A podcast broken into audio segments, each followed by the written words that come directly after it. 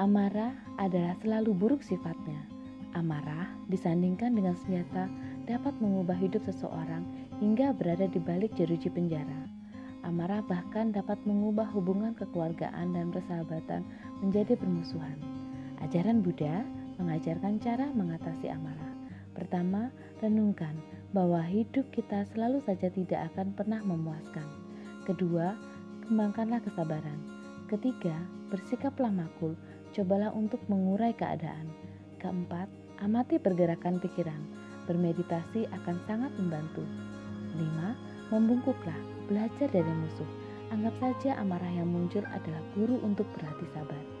Keenam, ingatlah kematian, ketak tetapan.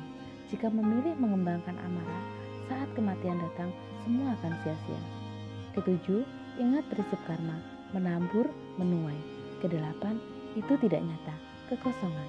Saat kita menelaah kenyataan, pada dasarnya tidak ada alasan untuk kemarahan itu sendiri.